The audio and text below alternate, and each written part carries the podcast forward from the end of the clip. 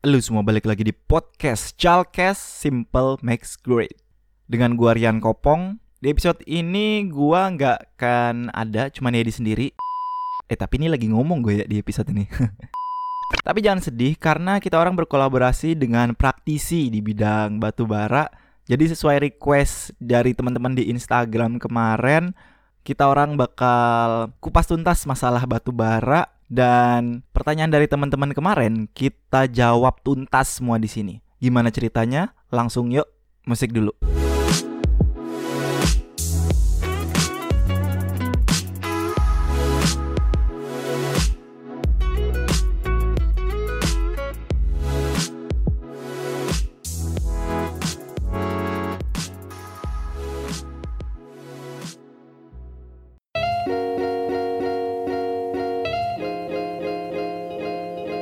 Halo, lu semua balik lagi di podcast Chalkes Simple Max Great.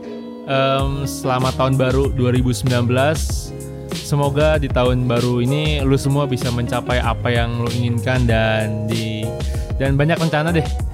Dan ini adalah episode pertama di tahun 2019. Kali ini bareng lagi sama uh, segmen podcast bareng ahli. Kali ini gue mau bahas apa? Gue mau bahas batu bara nih, sama ahli batu bara tentunya. Uh, siapa dia? Kenalin dulu deh. Halo, selamat tahun baru. Saya Wahyudi, alumni UPN Biologi dari Jogja. Saya sekarang aktif di konsultan, spesialisasi saya di batu bara. Jadi mulai dari pengumpulan datanya, interpretasi dan pemodelan geologi hingga estimasi dan pelaporannya. Cakep banget, ciamik banget nih? Uh, ini sesuai sama request teman-teman nih mas, teman-teman di uh -huh. teman-teman Calkes ini sesuai dengan request mereka beberapa minggu yang lalu di tahun 2018 itu banyak yang minta tentang batu bara. Nah ini langsung kita panggilin nih ahlinya nih. Anyway, uh, terima kasih banget nih buat Yagi UPN dan juga uh, dari GPRG perwakilan udah mampir ke podcast Calkes. Terima kasih banyak. Oke, gimana nih mas? mau ngobrolin apa nih? Mau ngobrolin apa? Kita mulai dari mana nih nah, batu baranya?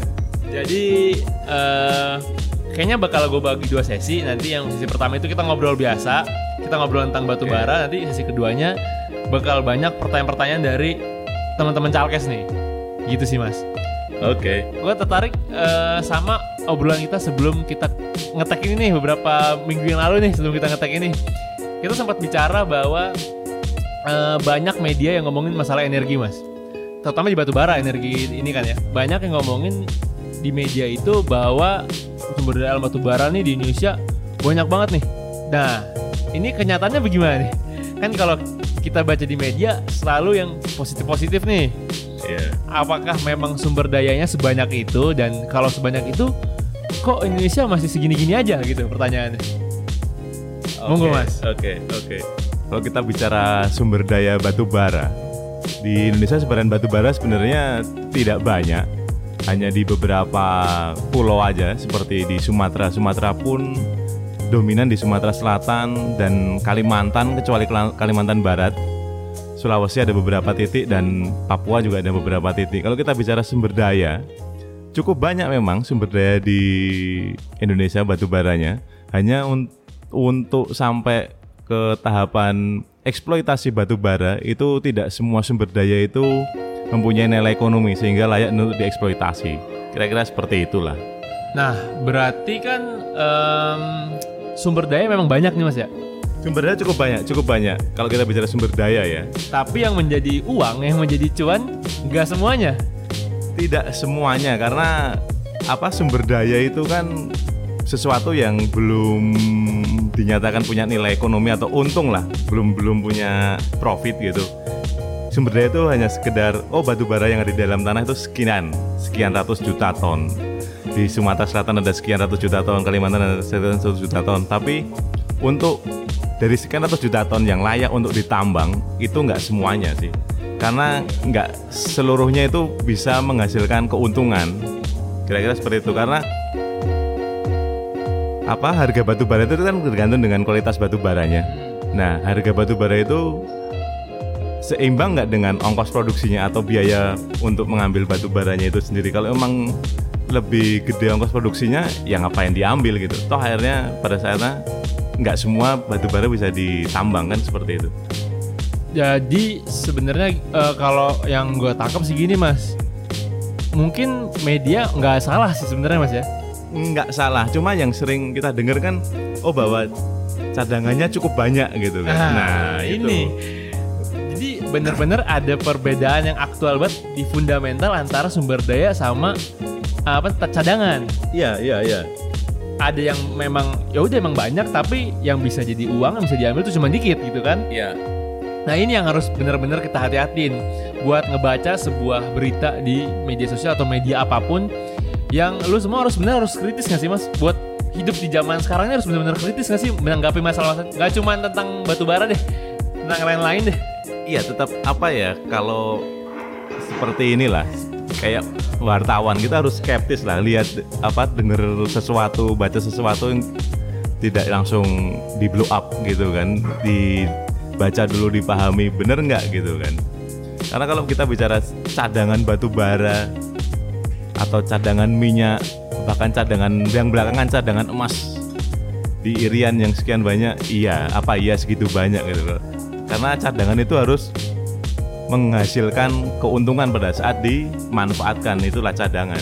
Beda dengan batu bara eh, dengan sumber daya. Sumber daya itu ya apa yang ada di dalam tanah itu gitu bener-bener sumber daya emang yang udah ada ya Cuma yang yang- dalam Hmm. yang bisa diolah nggak semua sumber daya ya iya iya Oh, iya gitu ya. gitu.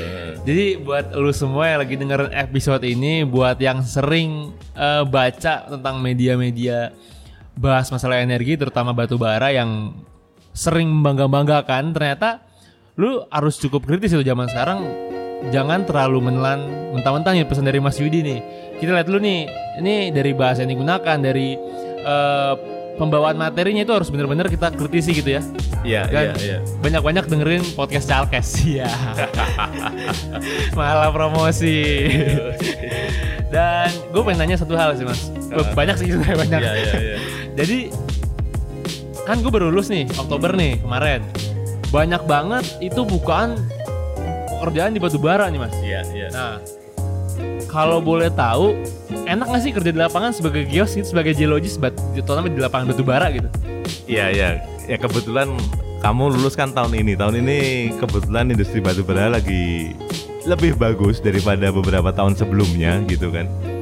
Beberapa lowongan mulai terbuka untuk posisi geologis di industri batu bara. Kalau kerja di lapangan untuk teman-teman yang baru lulus itu scope atau lingkup kerjaannya biasanya ya untuk eksplorasi pengumpulan data di lapangan terus review validasi data sebatas itu. Nanti setelah 2-3 tahun bekerja punya pengalaman baru tuh ada level berikutnya diberi tanggung jawab untuk melakukan interpretasi melakukan modeling geologinya. Bahkan sampai ke mengestimasi berapa banyak batu bara sumber daya yang ada di situ Oh, jadi itu kalau gua kemarin bayangin gini mas. Wah anjrit nih kalau misalkan kerja di batu bara nih buat yang baru lulus kan maksudnya masih general banget nih. Mm-mm. Kita masih belum tahu nih. Wah, gua harus ngapain ya? Berarti itu tuh step by step gitu ya. Dikasih pekerjaan yang memang bisa dikuasai sama anak lulusan S1 dulu, ter step up ke mana lagi yang tahap lebih susah lagi gitu ya mas ya? karena ini memang alur pekerjaannya supaya itu kan bertahap jadi alur alur ke alur gitu supaya paham betul oh bahwa data yang ada di kantor atau di dalam basis data di kantor itu dapetinnya seperti ini loh proses pen- proses nyari datanya itu seperti ini. Terus sebelum data itu digunakan harus diapakan kan harus paham itu semua dulu. Jadi memang harus harus bertahap nggak bisa langsung masuk langsung dapat posisi oh kamu harus memodelkan geologi batubara di tempat kerjamu kan nggak seperti itu kan Nah, terus kira-kira kan sekarang lagi banyak banget nih mas buka nih. Kayak dari gue lulus kemarin itu udah berapa banyak tuh gue daftar tuh. nah, kira-kira eh, ritme open recruitment di tambang batu bara ini bakal sampai kapan sih mas? Apa di 2019 bakal kayak gini juga? Dengan melihat situasi value batu bara di dunia dan di Indonesia nih bakal kayak gimana sih? Bakal buka terus? Apa nanti bakal ada masanya? Udah nih kayaknya tambang batu bara nggak buka open recruitment lagi nih buat bocah-bocah baru lulus nih. Kalau melihat ini sih apa harga komoditas karena batu bara ini kan komoditas energi, jadi harganya sangat dikontrol banget dengan pasar. Kalau memang permintaannya banyak dan supply-nya juga banyak, terus harganya juga jadi turun seperti itu.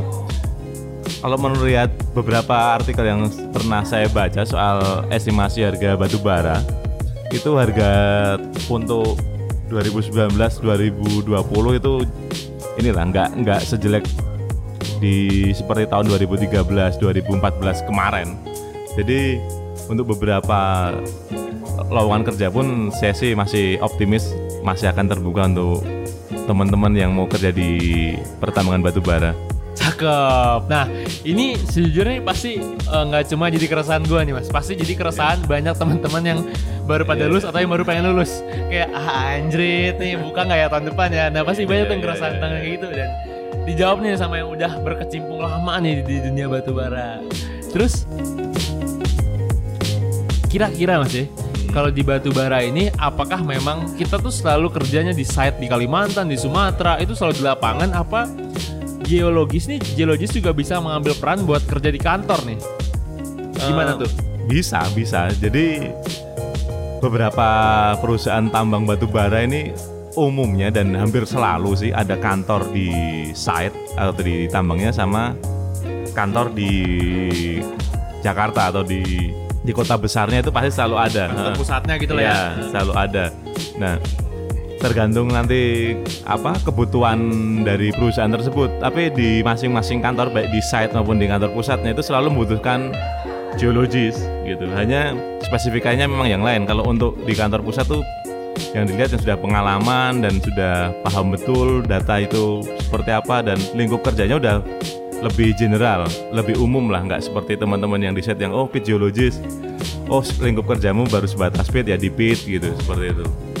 Berarti tapi lebih ke pengalaman kerja sih semakin udah lama kerja 3 5 tahun ya peluang untuk kerja di kantor pusat juga ada sih sebenarnya. Berarti jam terbang itu sangat mendukung buat kerja di kantor apa di, di site Mas ya?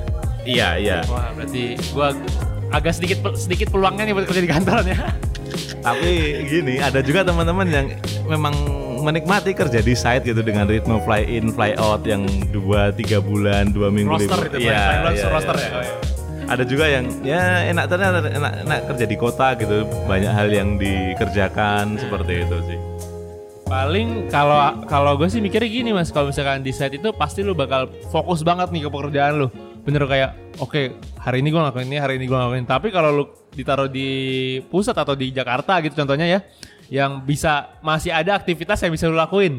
Di Sabtu Minggu atau pulang kerja lu masih bisa nge-explore apa gitu mau bikin-bikin apa kek iya iya memang kelebihannya kelebihannya kerja di kota besar itu kan informasi lebih cepat networking juga dengan mudah kita bikin atau kita bangun seperti itu. Beda dengan di set yang ritmenya ya dari mes ke pit mes ke pit terus gitu sampai pada saatnya jadwalnya kita cuti-cuti pulang seperti itu sih. Kalau masih di sendiri nih, lebih demen lebih suka kerja di site apa kerja di kantor nih? Pertanyaan berat. ya sejauh ini saya udah nikmatin kerja di kantor ada dari dari 2011 lah sampai sekarang tujuh tahunan. Tapi bukan berarti saya nggak pernah ke lapangan juga gitu. Saya tetap harus ke site lah. Namanya juga di kantor ngolah data gitu untuk untuk yakin bahwa data itu bener atau enggak itu kan harus harus lihat sendiri verifikasi ke set lah seminggu dua minggu baru pulang dari kantor proses data lagi seperti itu tetap harus ada komunikasi antara kantor dengan site seperti itu sih jadi kesimpulannya kan mau geologis itu mau kerja di site atau di kantor itu tetap ujung-ujungnya lapangan lagi lapangan lagi mas ya? Loh, karena geologis itu emang dibikin untuk hobinya jalan-jalan nah, jadi nikmatin aja. Bener bener bener. Kalau gue kalau gue sendiri mas ya uh, masuk geologis dulu pas awal tuh target adalah gue harus kerja yang bisa kelilingin pulau-pulau Indonesia. Itulah jadi kayak iya. kayak gue harus nyicipin di Kalimantan nih kayak apa sih yeah, yeah, Sulawesi yeah. kayak apa Papua. Cuman gue masih mikir-mikir dulu nih lagi kenceng-kencengnya mas konflik. Tapi itulah tetap apa peluang untuk jalan-jalan keliling Indonesia itu cukup terbuka lah kalau kita sebagai lulusan teknik geologi itu cukup terbuka. Karena cukup apa lingkup kerjanya itu nggak hanya di tambang ya. Karena untuk hal-hal lain juga banyak kok teman-teman yang perlu apa ten- tenaga geologis. Oke, eh macam-macam bicara nih. Ah, apalagi ya Mas ya? Em, tapi Mas ini berarti udah, udah berkarir di dunia batu baranya sekitar udah berapa lama nih? saya mulai kerja tuh 2005 waktu itu di Kalimantan Tengah itu ya baru selesai baru selesai kuliah kerja itu lingkup kerjaannya batas tadi seperti yang saya bilang tadi mengumpulkan data pemetaan geologi regional terus dari mencari outcrop dari outcrop outcrop itu kita kumpulkan diolah diinterpretasi. Oh kira-kira kemerusan batu baranya ke arah utara atau ke selatan dan dari situ baru apa mengambil beberapa sampel analisa ke lab seperti itu. Lalu tahun 2007 saya kerja di perusahaan waktu itu di Kalimantan Selatan itu tambang kontrak karya atau di batubara itu dikenal istilah PKB 2B Apa Eh, tuh Mas? PKP 2B itu apa ya persetujuan kontrak pengusahaan batu bara kayaknya pemerintah gitu. Jadi itu setara kontrak karya kalau di mineral atau kalau di migas apa ya namanya yang yang seperti itulah sejenis itulah seperti itu. Nah dari situ karena udah punya pengalaman oh ngambil data seperti ini masa eksplorasi lalu di perusahaan mulai tambah lagi tuh lingkup kerjanya, mulai memodelkan geologinya, batu baranya seperti apa, mulai mengestimasi berapa banyak batu bara yang ada di situ. Seperti itu sih dengan bantuan software tentunya. Nah, nah, itu semua eh, didapetin itu emang dari perusahaannya dikasih pelatihan atau emang learning by doing aja gitu Mas? Ya itu tanggung jawab perusahaan sih untuk untuk apa menaikkan kualitas timnya ya. Di samping itu rasa keingintahuan kita juga perlu sih. Jangan ya hanya karena kita kerja kalau disuruh ini baru ngerjain ini enggak lah. Setidaknya kita juga punya rasa ingin tahu, ingin bisa. Itu nilai plus tersendiri kalau kita punya itu. Bener banget deh. Oke, eh, abis ini masuk ke sesi kedua. Sesi keduanya itu setelah musik ini. Nah nanti sesi kedua ini gue bakal menyampaikan beberapa pertanyaan titipan nih mas. Titipan pertanyaan dari teman-teman calkes yang kepo tentang batu bara nih. Mumpung ada segmen podcast bareng Ali. Eh, kayak gimana? Tungguin aja setelah iklan berikut ini. Tuh ada suara orang ketawa tuh.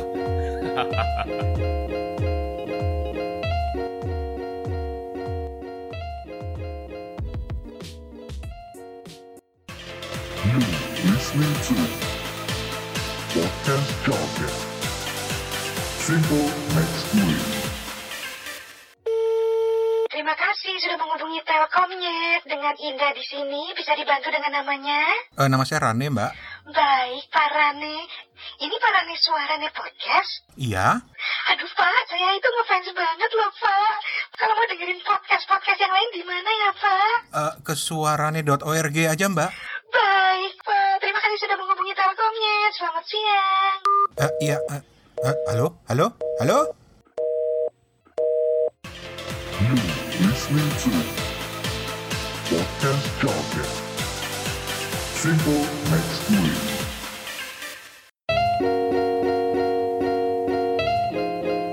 Oke, selamat datang di sesi 2 Em, Kali ini gue bakal men- mencoba menjawab bersama Mas Yudi tentang pertanyaan-pertanyaan yang lu pada kasih, lu pada titipin ke Mas Yudi nih Langsung aja pertanyaan pertama nih dari eh, Maba Yuwono Pertanyaan adalah kenapa harga batu bara cenderung tidak stabil dibanding sumber daya lainnya?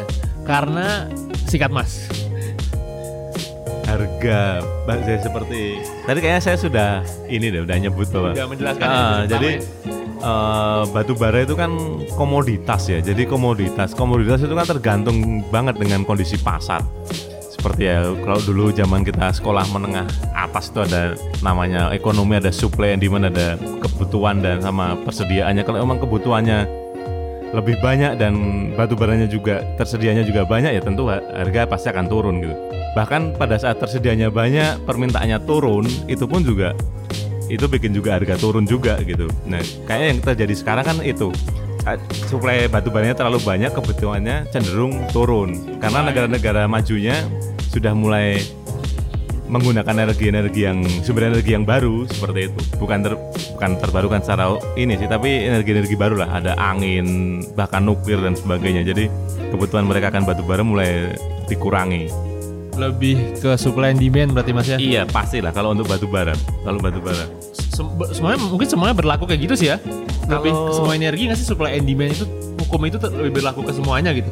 kayaknya harusnya sih iya ya hanya kalau saya sempat beberapa baca kalau untuk minyak itu kan juga ada unsur politiknya gitu tapi kalau untuk batu bara ini kayaknya unsur politiknya kecil sih dibanding sama migas kalau batu bara lebih dominan ke pasar sih ke supply and demandnya Oke. Eh, terus pertanyaan selanjutnya nih ada dari Api Cahaya. Api Cahaya namanya. gawat gawat. Eh, Api Cahaya menyinggung soal COP24. Eh, di mana sumber daya fosil wajib dikurangi penggunaannya pengen tahu olah limbahnya. Jadi mungkin dia sedikit, sedikit menyinggung ke masalah lingkungan nih mas tentang batu bara kan energi yang kotor nih eh, dalam tanda kutip. Sedangkan sekarang ini em, efek rumah kaca udah tinggi banget terus wah makin banyak deh macam-macam gejala-gejala alam yang mungkin salah satunya disebabkan sedikit banyak karena eh, sumber daya yang kotor gitu. Gimana tuh mas? Jadi kalau kita baca di beberapa negara maju di Eropa sana negara-negara kecil yang maju itu beberapa masih banyak yang menggunakan batu bara juga. Hanya pada saat mereka memanfaatkan batu bara mereka sudah menggunakan teknologi yang sedikit lebih di depan daripada yang ada di Indonesia.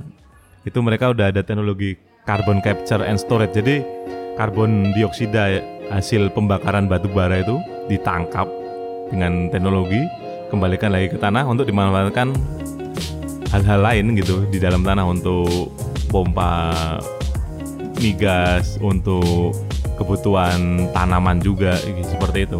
Jadi usaha-usaha untuk meminimalkan karbon dioksida hasil pembakaran batu bara itu sudah ada sebenarnya. Sudah ada. Untuk beberapa negara maju sudah melakukan itu kok. Kenapa Indonesia belum? Ya mungkin belum mampu aja dari sisi finansialnya seperti itu. Sebenarnya nih kalau eh, capres-capres tahu langsung dilakuin nih mas. Buat buat kampanye. Tapi gini, Indonesia itu nggak gampang kalau kita bicara apa?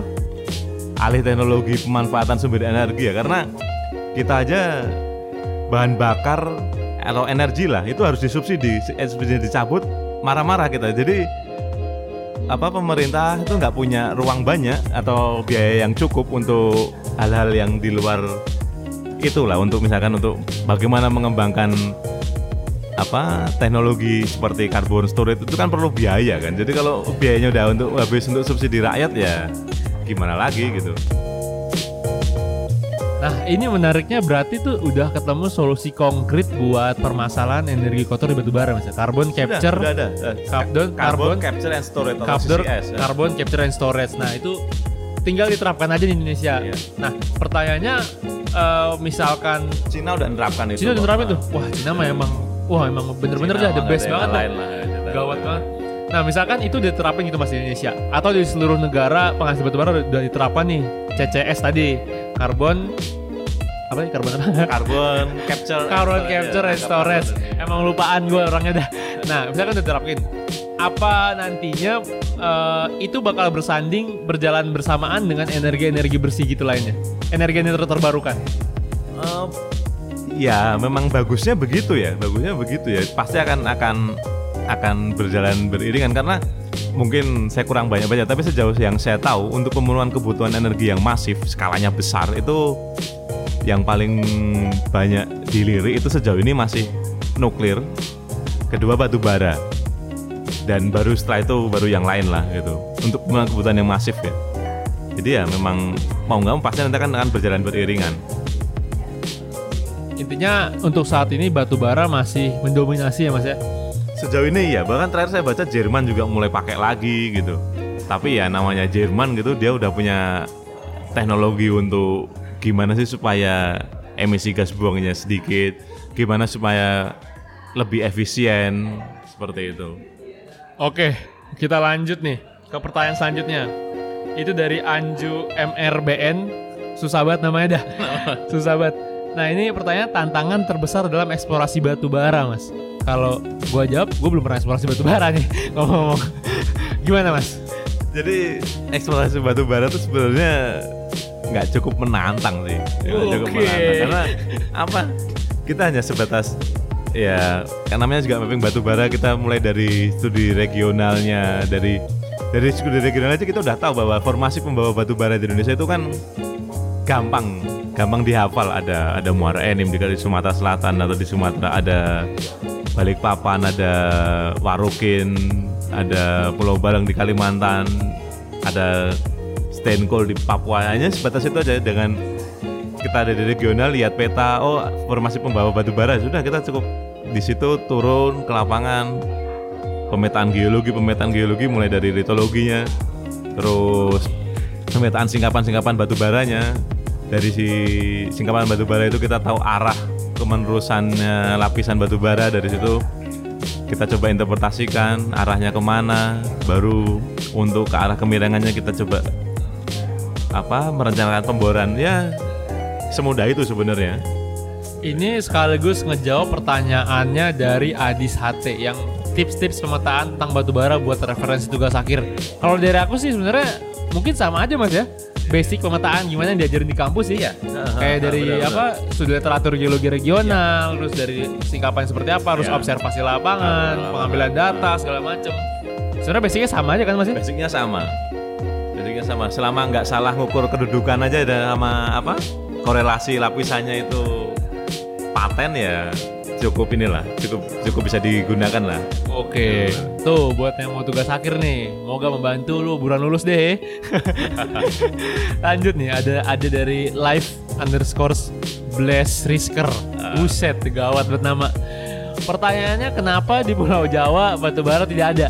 ada loh ada tapi nggak banyak Di beberapa tempat ada di ya, Mas, beberapa tempat ada kalau juga baca tuh. eh, coba deh dilihat lagi tuh di peta geologi regional tuh di daerah Banten itu ada ada memang kenapa kenapa nggak banyak ya kalau kita bicara batu bara kita bicara umur formasinya kan kalau di Jawa sepertinya belum belum sematang di Sumatera atau di Kalimantan jadi ya ling- belum lingkungan- terbentuk lah Lingkungan pengendapannya juga sangat ya, mempengaruhi mas ya. mempengaruhi, ya. Pastinya kan bakal beda nih dengan yang banyak banget batu bara seperti Sumatera, Kalimantan, Iya, dengan. Jawa pasti beda, dong. iya heeh, heeh. Itu kenapa Jawa batu bara nggak ada? Sebenarnya ada tapi dikit. dikit ya Karena Nggak beberapa faktor. Faktornya itu ada umur batu baranya, harus batuan penyusun lah, Iya. lingkungan pengendapan segala macam, gitu ya.